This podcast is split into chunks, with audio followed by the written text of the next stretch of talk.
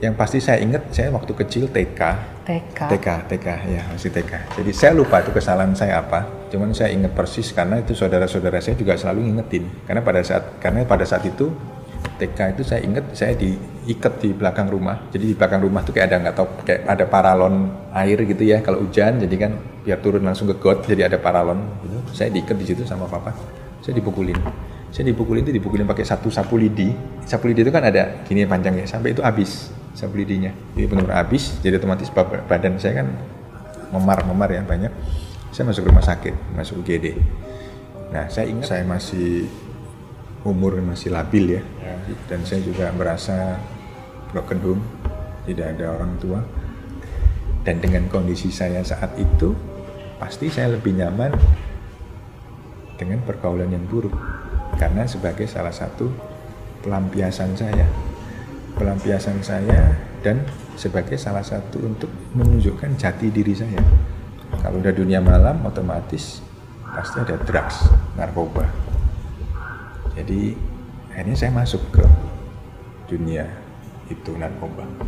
Jadi mulai narkoba jenis A sampai Z saya menjadi pemakai pada saat itu.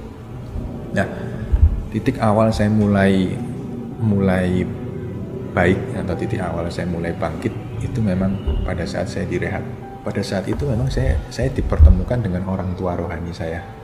Saya seperti mendapatkan ayah yang baik di situ. Banyak jual kemitraan seperti yang ayam bebek angsa masak di Kuali itu kita sekarang sudah opening kurang lebih 30 cabang. 30 Iya, cabang. 30 cabang. Ah, yang ayam bebek angsa. Lagi progres ke menuju 50 kan? Banyak banget. Jadi mulai dari kaca film, salon mobil, ya yang gue baca juga ada karpet mobil Iya, juga. iya, karpet mobil. Terus kuliner, lalu pijat. Ya. Dan ini lo yang nanganin semua.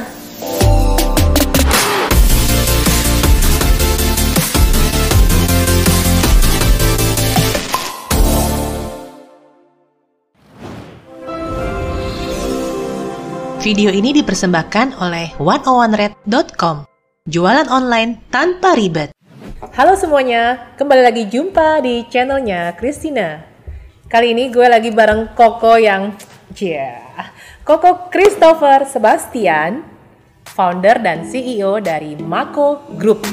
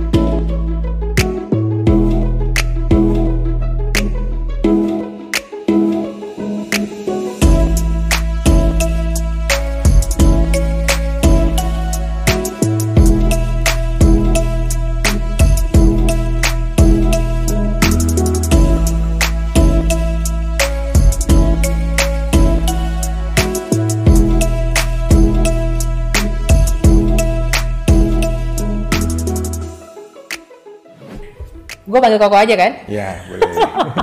Kalau gue panggil Koko berarti umurnya lebih tua dari gue sedikit gitu. Nih. Oke, eh, Kok, gue panggil, iya bener gue panggil Koko aja ya. Koko, boleh lah. Lu kan punya punya sampai 5 bisnis ya? Mulai dari Hmm, otomotif, otomotif, kuliner, lalu apa ya kesehatan atau pariwisata tuh ya. hah kesehatan Kalau- pariwisata juga? Kalau pijat itu spa and pijat masuknya apa tuh? Bisa kesehatan, bisa ke Bisnis pijat. pariwisata. Pijat apa nih? Eh, kita namanya pijat keluarga ningrat. Jadi kita pijat online. Jadi pijat online kita yang datang ke eh, rumah rumah customer apartemen gitu. Jadi pijat panggilan lah. Tapi bukan bukan ini ya. Bukan yang plus-plus ya? Oke, pijat panggilan eh, pakai via apa? Gue jadi malah lebih interest dengan kata pijat ya. Eh, medsos Instagram. Medsos. Ya dari Instagram kita sekarang melayanin Jakarta kecuali Bogor ya, Jabodetabek, Jakarta, Depok, Tangerang, Bekasi. Ya, cuman kita lebih fokusnya sih sebenarnya di uh, awalnya kita uh, naiknya itu uh, maksudnya uh, keangkatnya karena kita spesialis di anak-anak. Oh, Jadi gitu. ya anak sama balita, baby ya. Karena kan jarang uh, belum ada yang pijat panggilan tapi yang khusus anak-anak. Biasanya kalau baby anak itu kan memang harus harus datang ya, customer harus datang. Nah, kalau kita bisa datang dan ya customer Iya. kita sih merasakan banyak manfaatnya. Tapi kalau buat orang dewasa bisa. Bisa bisa orang dewasa bisa dan ada spa-nya kalau sekarang. Oh. Jadi kita datang itu bawa uh, macam-macam alat spa gitu ke rumah buat orang Enak dewasa. banget. Terus dari yang pijat, ada lagi bisnis kuliner. Ya kuliner. Kulinernya namanya apa? Kuliner kita punya beberapa brand. Kita ada ayam bebek Nesa masak di Kuali. Iya. Mas kayak gitu gue inget lagu. Oke terus. itu lalu kita punya mie and you itu produk mie ya kurang lebih dua bulan lalu kita launch masih baru juga kalau MB, MBP Angsa masak di kualinya udah udah lumayan lama lalu kita punya produk minuman. Itu masih launching sebulan yang lalu lah. Itu brandnya gluk gluk gluk ah. Gluk gluk gluk. Ah. Iya itu brandnya. Dan ada beberapa brand yang lain Pandalicious juga kita. Cuman kita banyak fokusnya kita jual kemitraan. Iya banyak jual kemitraan. Seperti yang ayam bebek angsa masak di Kuali itu kita sekarang sudah opening kurang lebih 30 cabang. 30 Iya, cabang. 30 cabang Ah, gila. yang ayam bebek angsa lagi progres ke menuju 50 kalau yang and you kita barusan minggu lalu progres opening dua cabang. Gitu. Kalau yang gluk gluk gluk kayaknya masih belum masih masih belum masih belum buka. Terus ada lagi otomotif. ya ya otomotif ya. Otomotif tuh kayak bengkel atau salon atau gimana? kita kalau otomotif ada lumayan banyak brandnya ada kurang lebih 10 ya. Karena memang saya core-nya eh, awalnya memang dari otomotif jadi kita sebagai importer dan distributor untuk tujuh brand kaca film.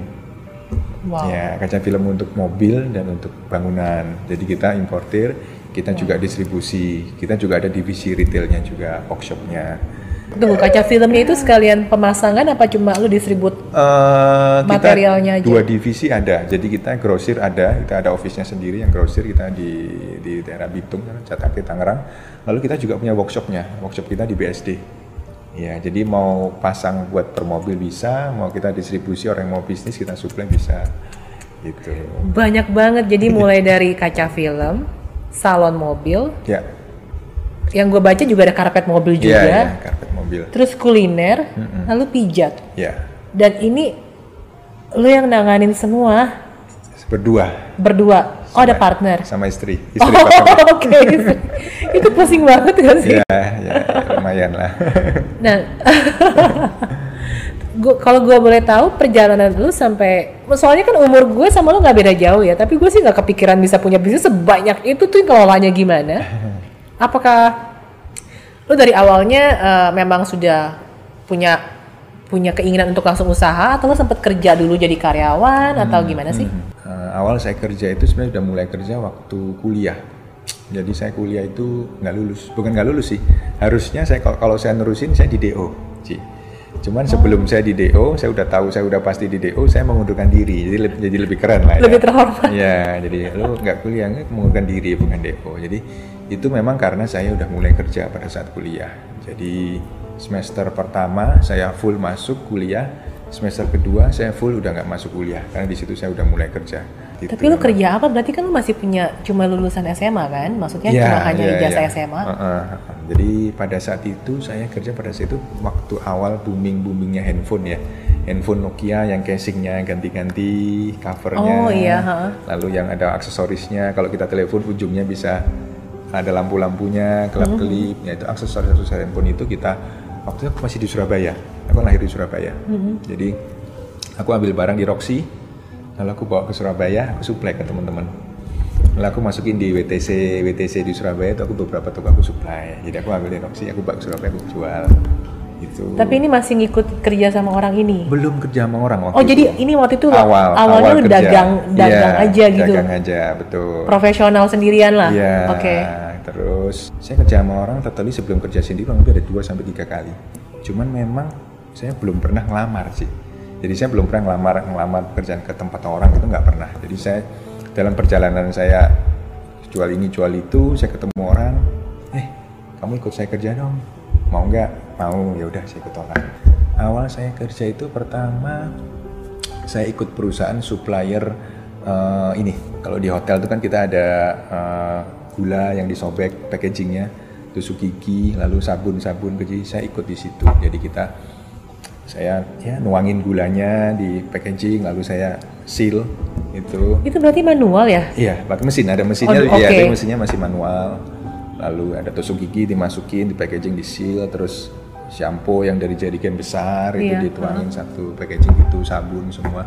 Lalu kita supply ke masukin ke hotel-hotel restoran-restoran. Itu saya kerja di situ kurang lebih satu satu tahun setengah dua tahun saya ketemu orang lagi. Itu mantan bos saya yang terakhir itu eh, di industri kaca film. Dia distributor kaca film. Karena saya memang merasa passion saya ini di otomotif. Jadi cuman yang ketiga ini saya memang menawarkan diri. Jadi karena saya supply brosurnya dia. Brosur spanduk alat promosinya saya supply. Terus saya lihat otomotif bidangnya. Lalu saya menawarkan diri oh boleh nggak aku ikut kerja di kamu gitu. Awal saya ditolak. Jadi cuma diketawain doang. Kenapa saya. ditolak? Eh, ya mungkin dia ngeliat saya eh, kapasitasnya nggak sesuai lah ya dengan dengan mungkin yang mungkin dia cari lulusan sarjana gitu mungkin mungkin ya. Jadi dia lihat mungkin saya nggak belum cocok untuk eh, kantornya dia. Jadi awal saya ditolak cuma ketawain aja ngobrol-ngobrol aja. Ya tapi kan saya tetap supply dia. Saya tetap supply semua barang barang kebutuhan promosinya.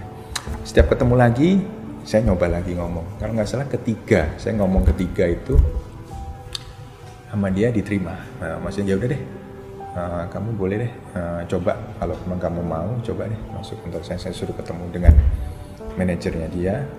Saya ketemu dengan manajernya dia saya diterima. Jadi saya pindah ke perusahaan otomotif. Itu perusahaan kaca film.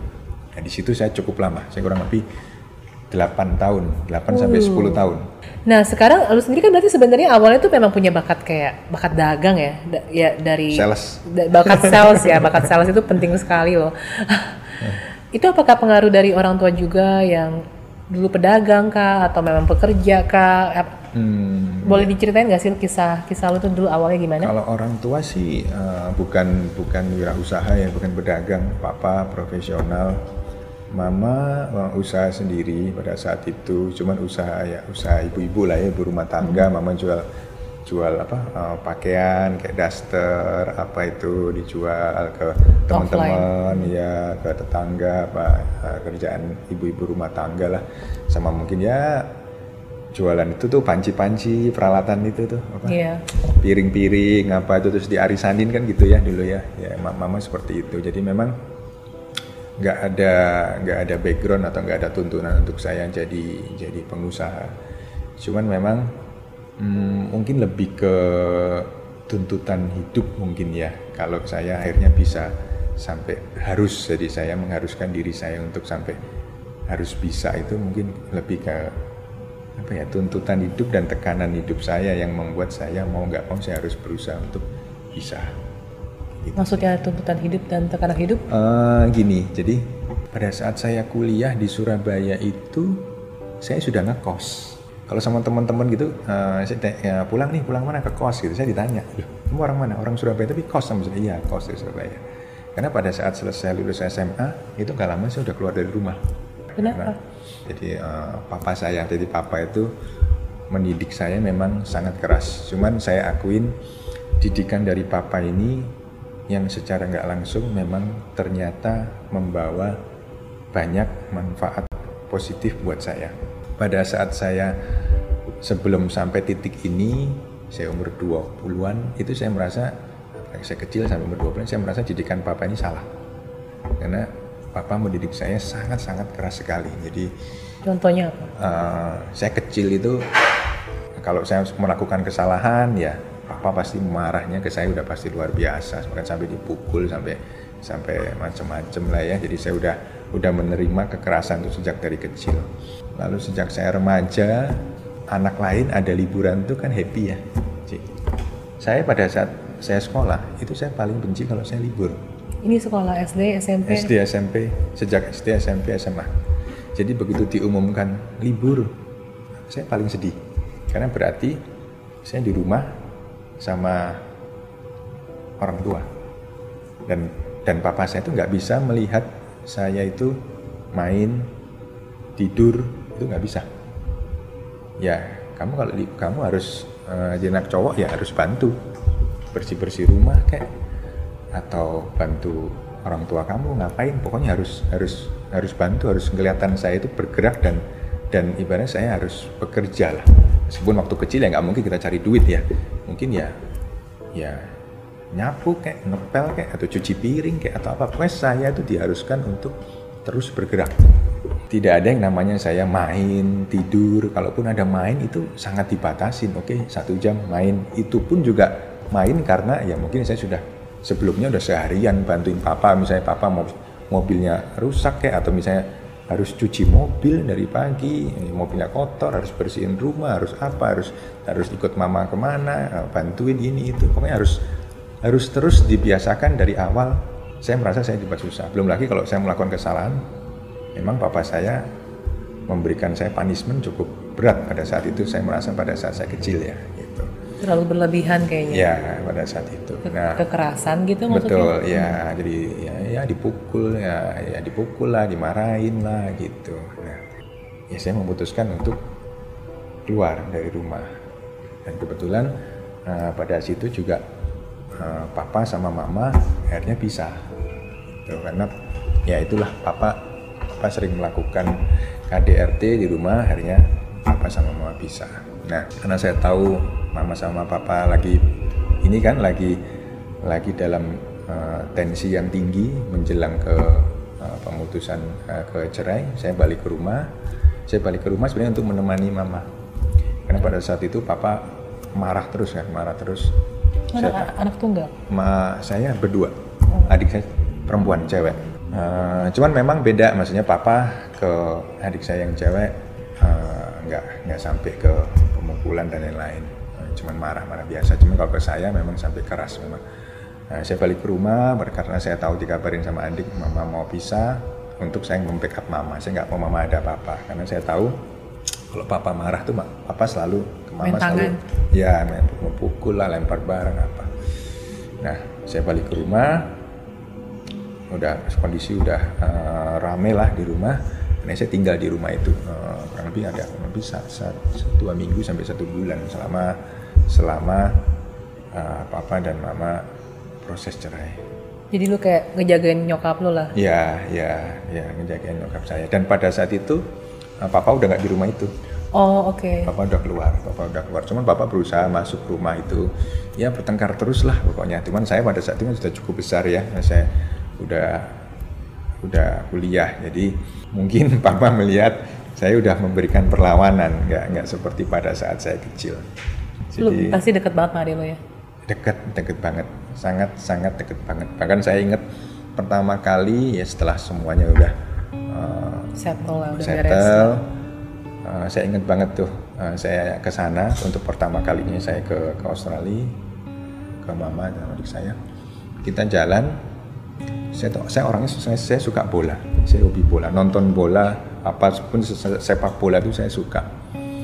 Saya ke satu toko, saya pegang lihat-lihat baju, saya pegang ada satu baju yang saya keluarin itu seragam jersinya bola. Kalau nggak salah, seingat saya MU dulu. Saya lihat harganya, saya taruh lagi. Udah, saya pulang. Kita pulang di rumah, adik saya ngasih saya jersey itu. oh Dan pada saat itu saya marah. Pada saat itu saya marah, benar-benar marah. Karena saya tahu itu harganya mahal. Ya saya bilang, kamu ngapain gini-gini? Saya benar-benar, saya marahnya benar-benar marah. Sampai adik saya keluar rumah. Dia pergi keluar rumah, ambil nangis itu dia pergi. Naik bawa mobil dia pergi. Mama saya marah-marah. Cuman saya bilang, saya marah karena aku tahu itu mahal. Cuma adik saya bilang, ya kamu kan suka. Noni lihat kamu pegang itu. Kamu pasti suka. Lihat aku pasti suka. Cuman aku nggak mau beli.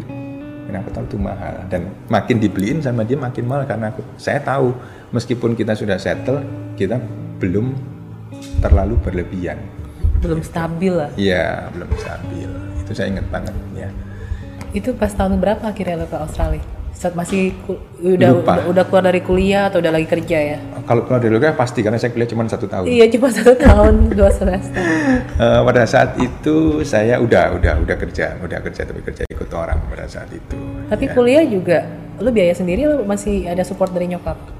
Uh, pada saat semester pertama ada ada support ya semester pertama ada support semester kedua uh, saya agak lupa. Tapi saya sudah sebagian sudah biaya sendiri. Udah biaya sendiri. Dan semester kedua biayanya nggak terlalu besar karena saya jarang masuk kuliah. Jadi nggak beli buku nggak apa nggak apa. Jadi jarang masuk kuliah. Sampai ujian pun jadwal ujian itu juga saya salah mulu. Jadi ujian jam 10 saya saya salah lihat jadwal datang jam 7 jadi pokoknya memang ya kuliah saya pada saat itu berantakan banget karena saya fokus fokus sudah fokusnya udah cari duit sih pada saat itu. Cumanya gue salut ya, maksud gue kayak dengan background ya bisa dibilang uh, bokap kayak gitu, lu tuh bisa menjadi seperti sekarang bener gitu loh kan kadang banyak hmm. orang yang kayak broken home lah langsung kayak inilah beginilah begitu bahkan apalagi kalau ada orang tua tuh sampai mukul anak gitu ya kayak gue aja gue dulu misal dipukul padahal dipukul bokap gue kayak pok gitu aja gue tuh ingetnya sampai hmm. gimana banget. Lu sendiri tuh mungkin kayak lu sendiri mungkin dipukulnya gimana kali gue nggak ngerti deh. Uh, kalau saya mungkin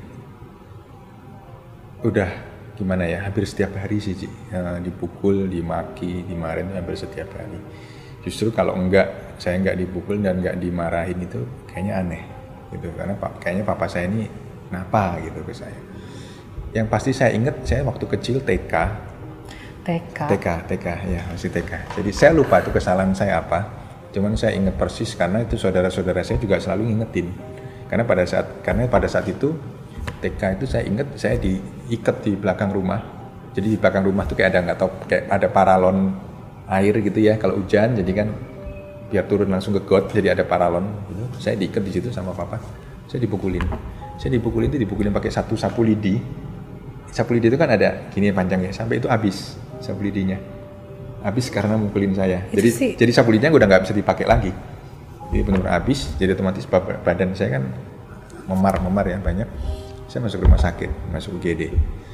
Nah, saya ingat karena saudara-saudara kita semua saudara-saudara datang jadi selalu cerita cerita cerita ingat cuman saya sendiri nggak tahu kesalahan saya pada saat itu apa saya nggak tahu cuman pada saat saya dipukul saya cerita dipukulnya sampai saya masuk GD sampai sekarang saya ingat.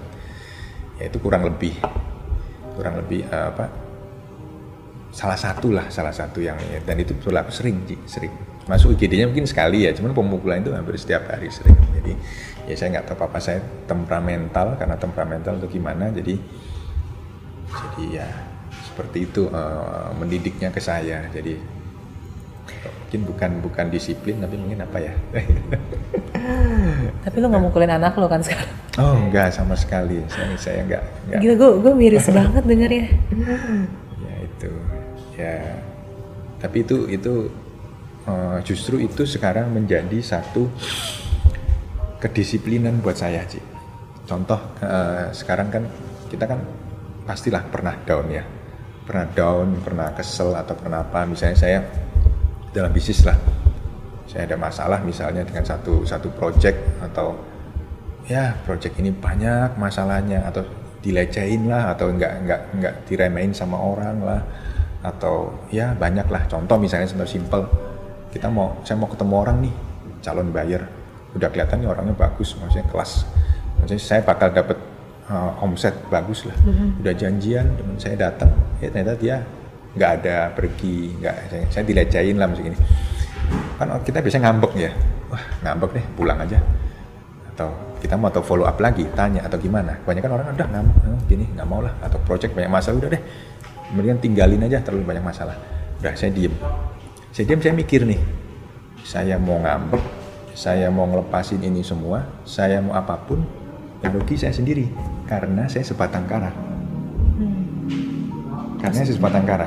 Dan saya, saya ingat karena, oh iya ya, saya ini sebatang kara. Gitu. Jadi apa pun yang apa pun kalau yang saya lakukan itu yang akan menikmati ya saya sendiri. Jadi saya jadi nggak, oh ya udah deh, jangan deh Pak, saya follow up lagi. Jadi saya bangkit lagi karena saya yakin kamu mau saya mau ibaratnya saya mau minum baikon mati pun juga ya udah gitu loh. Kayak nobody care gitu. Iya, kan? iya, jadi gitu. Jadi ini saya ya saya bego aja.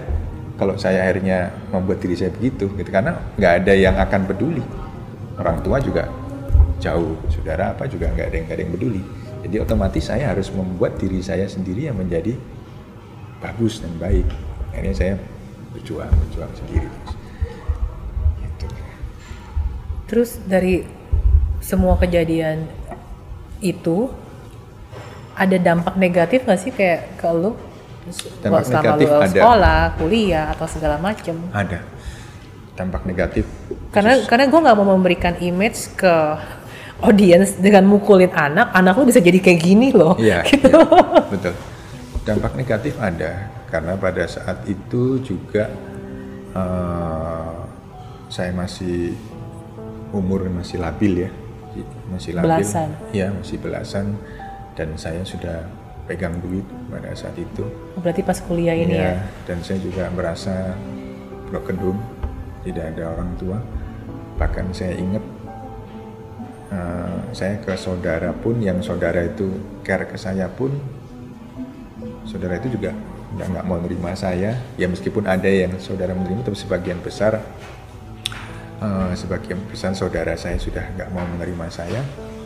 Ya akhirnya saya banyak bergaulnya pasti 100% ke teman dan pasti di lingkungan anak muda, di lingkungan kampus dan lain-lain banyak yang ada yang buruk, ada yang baik. Dan dengan kondisi saya saat itu, pasti saya lebih nyaman dengan pergaulan yang buruk karena sebagai salah satu pelampiasan saya, pelampiasan saya dan sebagai salah satu untuk menunjukkan jati diri saya.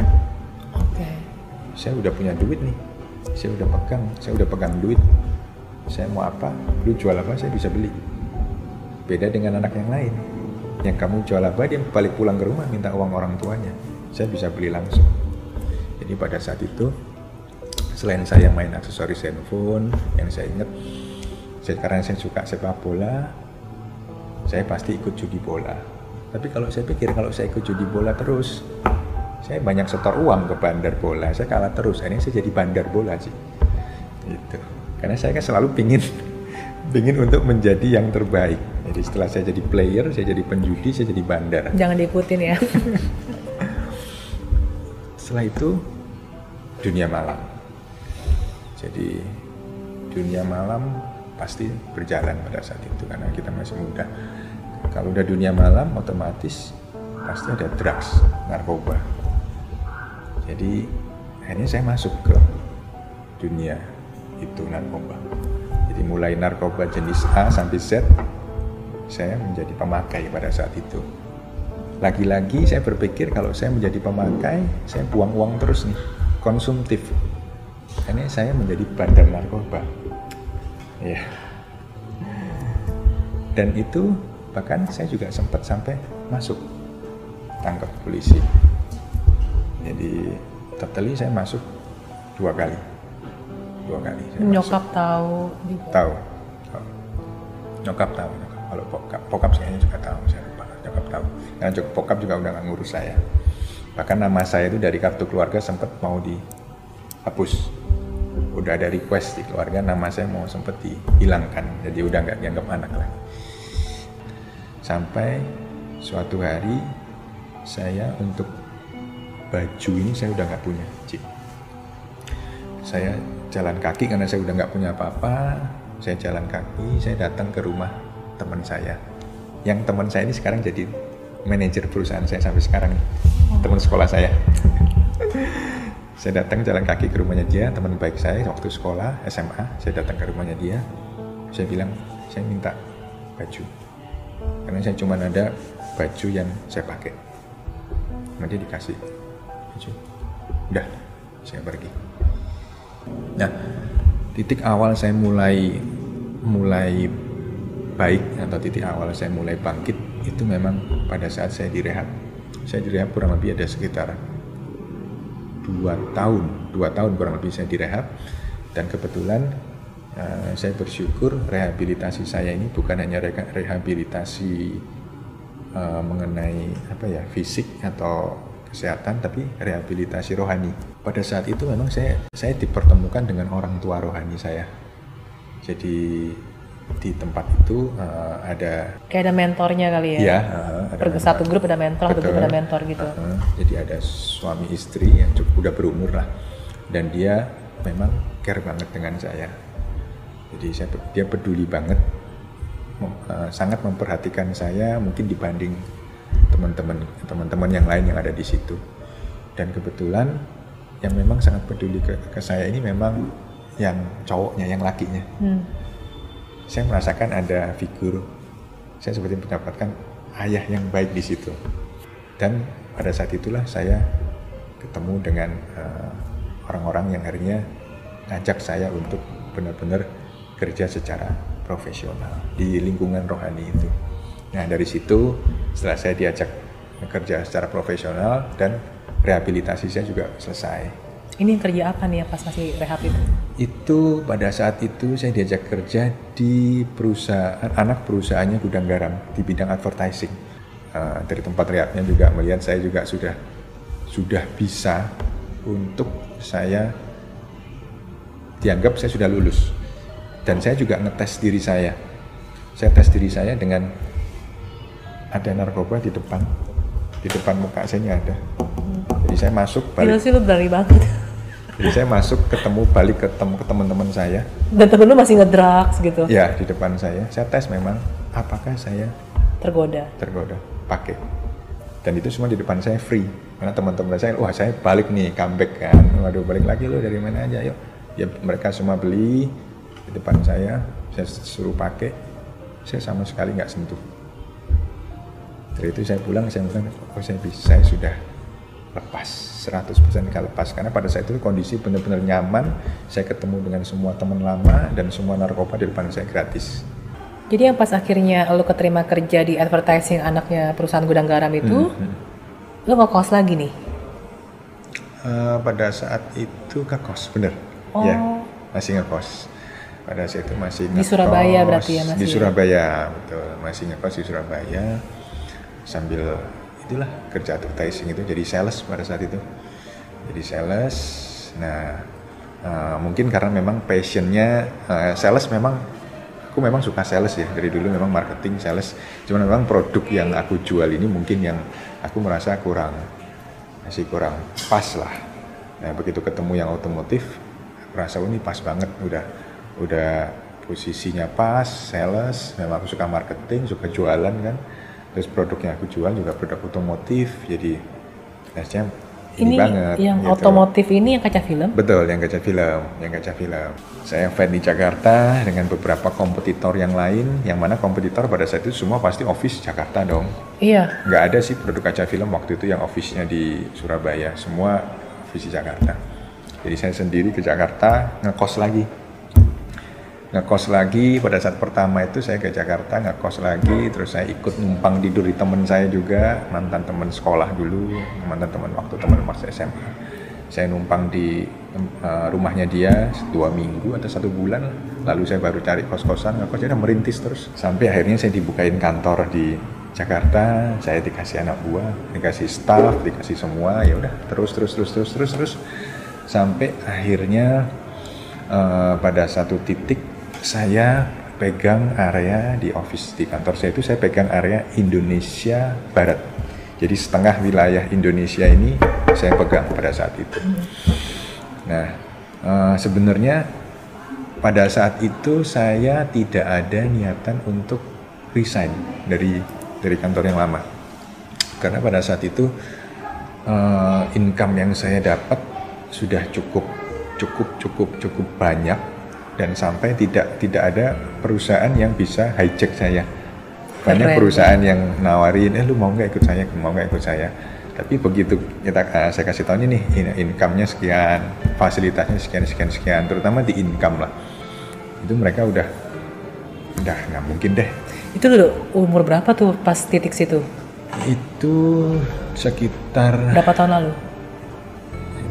Umur 26 27 lah. Ah gila, luar biasa. ya, keren 26 27 26 27 nah karena udah nggak ada nggak ada eh, maksudnya nggak ada perusahaan yang bisa hijack ya udah tetap saya fokus kan. Nah tapi pada saat itu saya merasa kapasitas saya masih lebih. Nah saya masih punya kapasitas. Sedangkan uh, scope area yang saya pegang di perusahaan itu kan masih setengah wilayah Indonesia. Nah, akhirnya saya bilang ajuin ke owner, saya coba deh dikasih target, saya mau pegang seluruh wilayah Indonesia sendirian. Jadi pada saat itu tangan kanannya dia ada dua, satu saya Indonesia bagian barat dan satu lagi Indonesia bagian timur. Saya bukan mau geser ini saya ya teman saya bukan, cuman saya merasa saya bilang saya masih aku masih punya kapasitas nih merasa masih Oke, punya pengen kapasitas ada challenge lagi gitu. ya Oke. ya jadi bisa nggak kamu kasih aku eh, eh, kasih aku apa ya kasih aku kesempatan lah kasih saya kesempatan untuk saya mau pegang semua wilayah Indonesia ini untuk produk kita kamu kasih aja waktu saya minta kasih aja waktu ke saya berapa lama untuk saya membuktikan kalau saya berhasil saya tunggal nih di office langsung saya pegang semua. Tapi kalau saya nggak berhasil, punishmentnya apa? Kasih ke saya, nggak apa-apa. Nah, oke, bos saya bilang, ya mikir waktu kurang lebih satu minggu, ingat kurang lebih. Ini dia kasih keputusan, saya nggak dikasih kesempatan itu. Jadi dia bilang, nggak bisa, kamu tetap aja di posisi yang Sekarang. sekarang. Nah, pada saat itu langsung saya merasa, eh, wah karir saya Mentok. mentok nih di sini. Karir saya mentok di sini. Nah, sedangkan pada saat itu eh, di kantor saya itu lagi banyak eh, direksi, ah, bukan direksi ya apa, staff-staff yang posisinya tinggi yang akhirnya mencoba keluar, resign dan usaha sendiri. Dan hampir semuanya pada saat itu gagal. Hmm. gagal. Karena eh, mantan owner saya dulu itu memang dia cukup royal dalam menggaji sih memberikan gaji dan fasilitas untuk karyawan cukup terkenal royal. Jadi kita semua staff makmur semua lah. Jadi ada beberapa staff yang juga eh, posisinya lumayan tinggi keluar coba usaha keluar coba dan, dan rata-rata hampir semua gagal ya semua Nah, jadi otomatis saya waktu itu mem- mempunyai pikiran selain karir saya mentok, saya juga dilema. Karena saya melihat teman-teman saya yang lain eh, Kalau keluar gagal nih. keluar tuh gagal nih, Iya. makin susah nih, makin susah. Eh, harusnya saya bisa lah untuk untuk untuk eh, Lebih menjadi- lah. Ya untuk Oke. untuk, untuk berdiri sendiri. Ya udah akhirnya saya beranikan diri. Jadi saya pada saat itu resign dari kantor dengan posisi saya yang benar-benar saya keluar dari zona nyaman, dari comfort comfort zone saya. Karena pada saat itu saya nggak usah ke kantor pun, saya nggak usah kerja pun, tiap hari income tetap masuk banyak dan owner juga nggak nggak menegur saya. Jadi saya benar-benar sudah dibebaskan oleh owner, terserah lu mau apa, yang penting perusahaan ini jalan, omset masuk, semua pekerjaan beres. Jadi pada saat itu orang banyak bilang saya ini gila, bodoh, bego, udah pokoknya semua orang teman-teman cacian caci maki lah ke saya lah negatif semua pada saat saya memutuskan untuk uh, resign. Ya, akhirnya saya resign dan saya ingat nih singkat cerita saya ingat pada saat saya resign itu saya kontrak uh, ruko untuk uh, office saya pertama kali. Saya kontrak ruko di daerah Tangerang karena pada saat itu saya memang udah ditugaskan di Jakarta kan sebelumnya.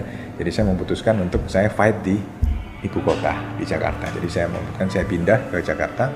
Saya kontrak ruko di Tangerang. Saya kontrak ruko di Tangerang sebenarnya itu bukan ruko, tapi itu semi ruko. Jadi lan- lantainya itu satu setengah, satu setengah lantai. Jadi kalau saya naik ke lantai dua gini, saya berdiri itu kepala saya itu kepentok sama plafon. Maksa banget berarti Iya, iya, iya. bahasa Jadi anginnya. bukan ruko sih sebenarnya dan itu tempatnya juga nempel sama mall. Ada mall di Tangerang dia Oke. nempel ya. Saya kontrak di situ karena di situ murah. Nah, pada saat itu saya ingat eh, karena ada sebelumnya saya ada kenal dengan beberapa banyak teman-teman media. Jadi begitu eh, saya resign, saya meluncurkan satu produk baru, pasti teman-teman media datang, pada datang, kontak datang. Nah, ada satu teman media wartawan yang datang kantor saya eh, masuk, oke saya ajak ke lantai dua, karena lantai dua itu ruangan saya. Saya ajak ke lantai Yang dua. mentok itu. Iya, yang mentok itu ruangan saya. Karena lantai bawah admin itu kan barang-barang semua lantai dua ruangan saya. Pada saat naik, saya ajak naik lantai dua, dia izin ke toilet. Jadi Pak saya ke izin ke toilet dulu ya. Oh iya. Dia turun ke toilet, izin. Lama nggak balik-balik. Saya turun ke bawah, saya cek. Dan dia pulang. Iya, dan dia pulang. Jadi dia ngeliat kantor saya pada situ sangat-sangat ya menurutnya mungkin Ngenes lah. ya ini waduh kantor udah kecil banget juga bukan ruko ya kalau ruko mungkin 15 meter ya itu mungkin Iya. sekitar cuman 9 10 meter atau 8 meter kecil banget. Selemparan batu aja udah nyampe di belakang. Terus juga naik ke atas kepentok. Jadi mungkin dia melihat wah kok begini ya? Saya lihat ke bawah eh dia pulang. Di situ saya eh, Yes ini sih. banget sih. Padahal eh, sebelum saya waktu saya kerja di eh, perusahaan sebelumnya dia banyak support saya. Kita kenal baik teman itu. Jadi banyak support saya. Cuman pada saat itu saya merasa aduh eh, begini ya maksudnya orang melihat saya begini. Cuman nggak apa-apa. Kembali lagi saya ingat bahwa kalau saya down atau saya eh, nggak bangkit atas atas atas ini semua saya ini sebatang kara. Saya sendirian. Jadi ya udah. Saya mau ibaratnya mau mau mau sampai sekarat pun juga nggak akan ada yang menolong saya. Jadi otomatis saya nggak boleh sekarat nih gitu. Ya udah saya maju terus maju terus eh, saya dibantu sama teman saya yang saya minta baju kaos satu itu waktu saya waktu saya di Surabaya waktu saya lagi jatuh. Itu yang membantu saya. Jadi dia juga ikut eh, ke Jakarta pindah di Jakarta. Bantu saya. Ya kita mulai running running running running terus sampai titik sekarang ini. Nah sekarang kan bisnis lo itu ada lima. Ini semua lo yang mimpin nih. ya Itu nggak pusing? Gimana? Kalau kalau gini deh, gimana caranya lo mengatur lima bisnis ini? Ada partner lo kan, eh, teman lo itu. Iya. Lalu ada istri lo juga kan. ya Nah, lalu handlingnya hands on semuanya atau ada leader-leadernya? Eh, masing-masing divisi ada ada leadernya. Jadi kalau yang teman saya itu dia khusus divisi otomotif. Nah untuk divisi kuliner, untuk divisi yang spa, pijat ada lagi eh, divisinya. Jadi eh, kita memang nggak bisa nggak bisa eh, kita jangan sampai menghandle semua sendiri dan mengerjakan semua sendiri. Kalau itu kita lakukan, saya juga nggak akan bisa untuk membuka bisnis yang lain, terutama bisnis yang divisinya benar-benar beda. Mungkin kalau eh, dari kaca film kita buka karpet mobil atau buka Masih salon mobil lah. masih nyambung.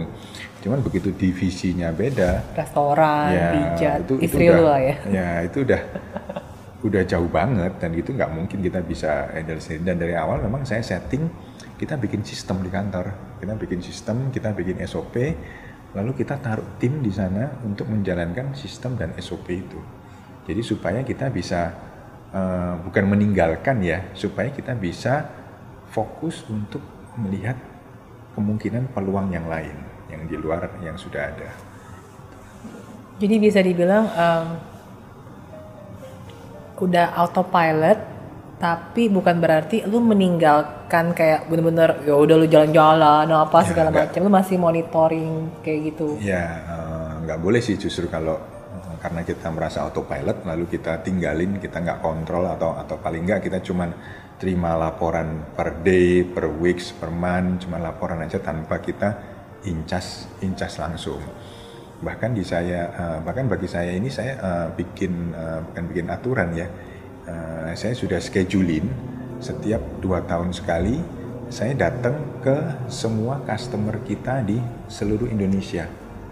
Ya, jadi saya pernah paling jauh itu Medan sih, belum sampai Aceh. Customer kita paling ujung itu Aceh, cuman saya paling ujung eh, dari Medan sampai saya paling ujung ke kanan, kalau di peta ya, itu harusnya Irian Jaya. Cuman saya belum pernah sampai ke Irian Jaya.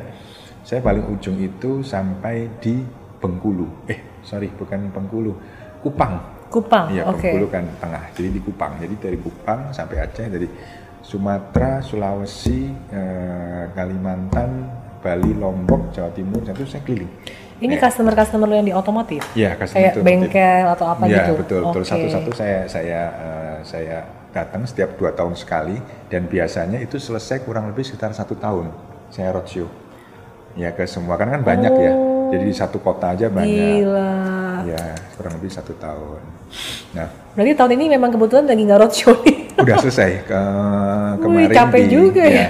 di akhir tahun 2019 sudah selesai sebenarnya kurang kurang satu trip lagi uh, Bali Lombok yang saya belum selesai. Nah, biasanya setelah saya trip satu tahun, nah di situ dapat nih ide peluang baru.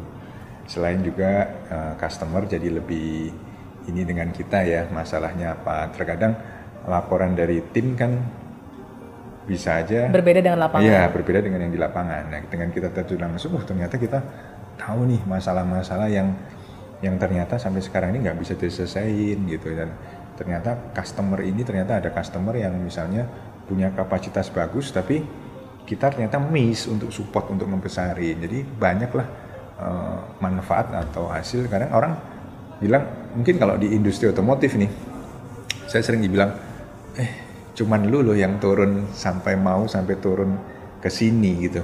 Kalau yang lain udah nggak mau turun. Yang ada kita dipanggil ke Jakarta oleh uh, distributor gitu. Cuma lu yang sampai turun karena saya bilang ya uh, kita bisa aja ketemu di Jakarta. Cuma dengan saya turun saya kan melihat tempat usahanya. Saya melihat tempat usahanya saya melihat cara dia menjalankan usahanya. Dari situ mungkin kita bisa sharing nih oh lu butuhnya apa sih oh Keren lu, banget lu ya, pengennya gila. apa nah di situ kita bisa support dan kita bisa jadi lebih lebih sinerginya sama dia lebih bagus lagi ke depan gitu kayak gitu Nah, jadi memang bisa dibilang ya itu dia kalau kita tidak apa ya, nggak eman lah, nggak sayang mentraining atau membuat sebuah tim, gimana mungkin juga bisnis bisa autopilot gitu loh. Hmm.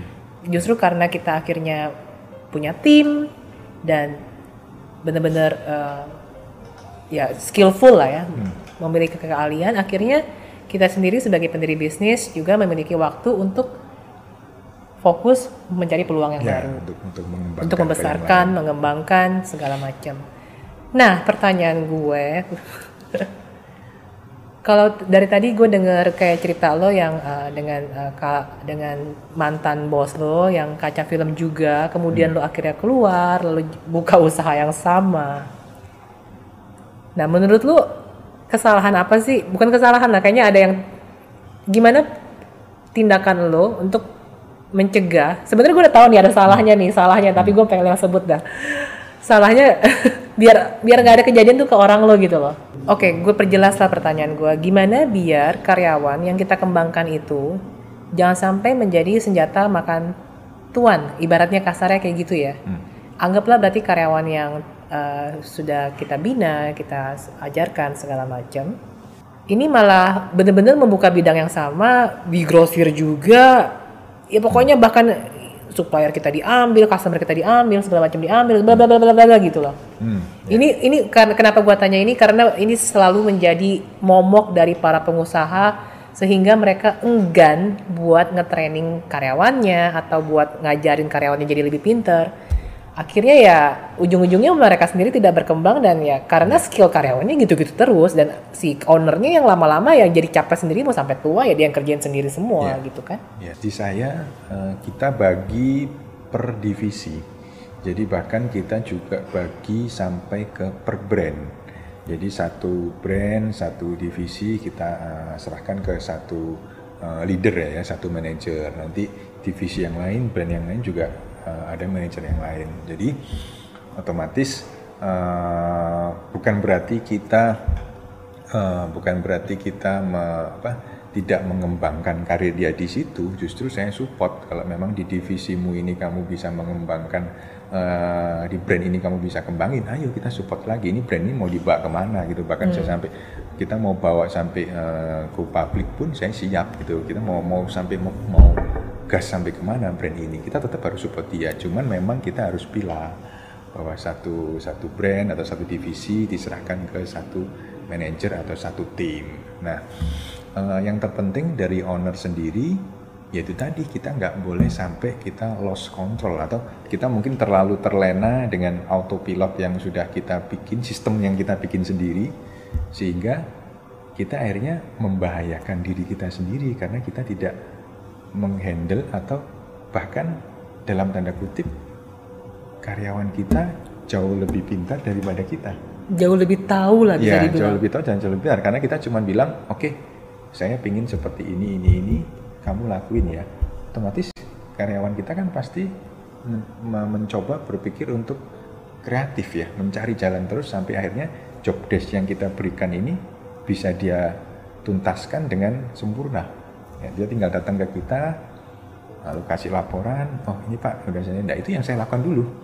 Jadi uh, man- kalau yang, yang lo lakukan dulu mungkin Iya. karena lebih lo tuh bisa pegang kontrol ke supplier ke supplier lo juga ke, ke customernya bos lo Iya. juga segala macam kayak gitu-gitu kan Ya sampai uh, maksudnya uh, me- dari ide produk baru, iya jadi barang masuk, udah kayak one man show gitu kan ya sampai barang itu dijual, sampai ke Marketingnya payment, juga ya, sampai lagi. ke marketing, sampai ke payment, eh, tagihan, bahkan sampai ke exhibition, nah, semua kita saya handle sendiri semua. Hmm. Awal lalu kita saya bikin tim juga untuk membantu saya. Jadi pada saat itu memang eh, owner saya ya cuman menerima laporan, cuman menerima laporan-laporan aja dari saya dan ya memang karena laporannya juga mayoritas selalu eh, job desk yang diberikan selalu bisa terselesaikan dengan baik ya akhirnya mungkin owner eh, makin melepas ya makin melepaskan eh, eh, perusahaan ini untuk di, eh, untuk saya jalankan Gitu. sebenarnya memang kalau boleh gue tambahin em, bagusnya itu memang sih sebenarnya kalau misalnya ada satu brand marketingnya beda ya kemudian bagian research and developmentnya beda. Ya kemudian mungkin yang berhubungan dengan suppliernya beda juga orang. Ya betul. Jadi bukan kayak satu orang mengerti semuanya. Karena ketika satu orang mengerti semuanya dan lu udah lose control ya ini orang hilang lu juga akan kelimpungan. Ya pasti. Kelimpungan. Tapi kalau misalnya dari awal job desknya udah dipisah-pisah oke lu khusus supplier nih. Lu khusus handling customer lu khusus handling marketing ya customernya yang khusus handling customer misalnya hilang masih bisa ya iya nggak sih Ya, jadi ya kalaupun kita kehilangan staff ini, kita tidak kehilangan Nggak di pincang banget Betul, kita tidak kehilangan di satu poin yang besar banget. Nah, itu mungkin bisa jadi eh, bisa jadi apa ya? Ya, bisa jadi Benar. satu inilah eh, untuk owner ya. mungkin buat emak-emak yang nonton gue sederhanakannya gini kayak misalnya lu lu bikin tas nih bikin tas yang penyedia kulit tasnya beda yang bikin resletingnya beda misalnya lah ya Iya. kayak eh, cangklongannya apa sih batnya Iya, juga iya. beda Iya. sampai kayak gitu gitu bahkan tukang jahitnya pun juga tempat yang berbeda workshopnya kayak Iya. gitu jadi eh, kita tuh meminimalisir risiko lah seperti itu Betul. Meskipun juga bukan berarti kita harus takut dengan adanya kompetitor dan jadi membuat kita eman untuk mentraining eh, yang namanya apa eh, karyawan. Karyawan. Tapi tetap harus ada resiko-resiko yang kita mesti apa namanya? Ya, mesti jaga lah. Mesti jaga lah ya. Iya, betul. Iya, oke. Ya, sama sih mungkin kayak kita dengan supplier juga gitu. Iya, kita juga terapkan bahwa eh, dalam satu produk kita tidak pull satu produk ini ke satu supplier, tapi kita bagi itu supaya jika ada sesuatu dengan supplier itu nggak langsung produk kita langsung berhenti Benar, berhenti benar, untuk produksi banget. ya sama oke. Oke, Koko aja. Koko, ini Koko yang keren ini. Kalau misalnya gue tanya nih, eh, dari semua kisah lo sampai lo ke titik sekarang, apa sih kesimpulan yang bisa lo share ke para penonton di sini? Eh, mungkin eh, ibarat sebuah pesawat terbang ya. Jadi eh, kita harus tentukan pilihan kita. Kita mau menjadi pilot atau kita mau menjadi penumpang. Wih, Kalau kita mau menjadi penumpang, ya berarti kita eh, berserah dengan masa depan kita atau menyerahkan hidup kita kepada pilot nasib tersebut, lah ya nasib pilot kita kepada tersebut. pilot tersebut. Disetir orang lain lah. Betul. Tapi kalau kita jadi pilot, ya kita kita berhak menentukan masa depan kita sendiri. Ya itu yang ya itu yang harus mungkin ya itu menjadi, menjadi yang menjadi eh, ya dalam tanda kutip pedoman hidup lah yang saya jalanin. Lo sendiri sekarang, berarti lo udah lama gak ketemu bokap juga ya? Lama, lama.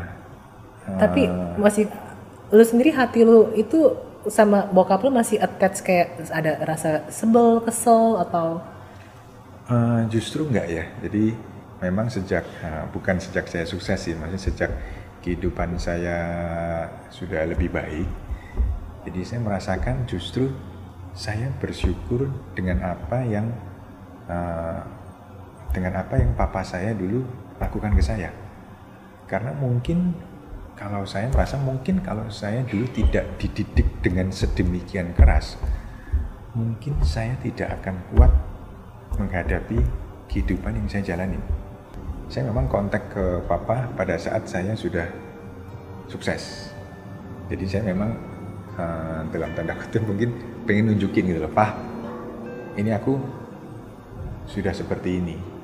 Jadi karena saya dianggap dulu di keluarga udah saya ini udah nggak bakal nggak bakal sukses lah, udah pasti bakal susah punya, udah ibaratnya udah sampai di kartu keluarga aja mau dibuang itu kan berarti ibaratnya mungkin saya udah udah hilang aja deh lu. Dari dari lingkaran keluarga ini udah nggak yeah. perlu lah kamu di keluarga ini. Nah otomatis dong saya nggak mungkin kontak kalau kondisi saya masih nggak bagus.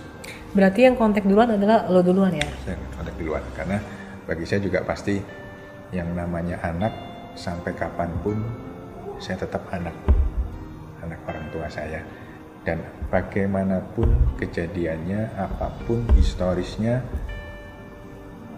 saya sebagai anak harus tetap berusaha menghargai dan mencintai orang tua saya.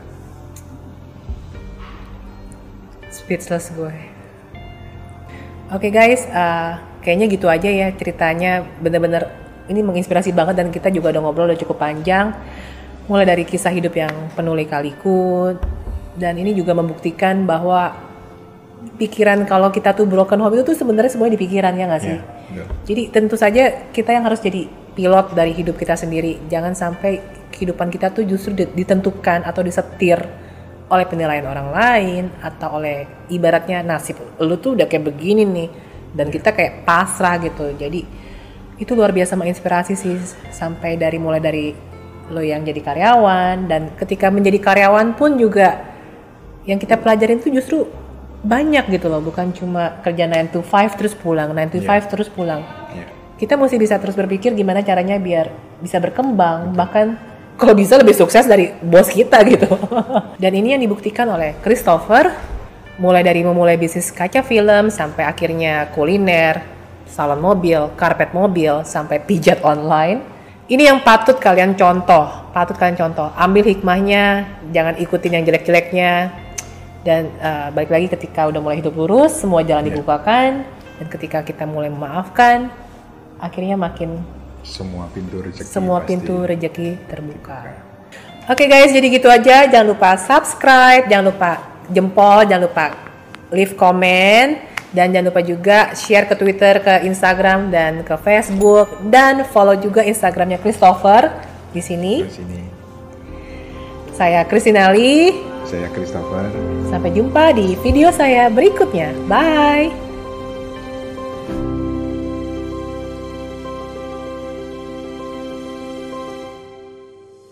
Tidaklah masalah berapa kali kita gagal. Tidak penting berapa kali kita hampir berhasil. Kecewa karena gagal itu masih jauh lebih baik daripada menyesal tanpa melakukan sesuatu. Yang perlu kita lakukan hanyalah belajar dari kegagalan itu dan dari orang-orang di sekitar Anda, dan yakin kalau kita pun bisa bangkit. Janganlah takut dengan kegagalan, karena jalan menuju kesuksesan adalah dengan selalu mencoba setidaknya satu kali lagi. Dan ketika kita mencapainya, semua yang tidak tahu kisahmu hanya bisa berkata betapa beruntungnya Anda.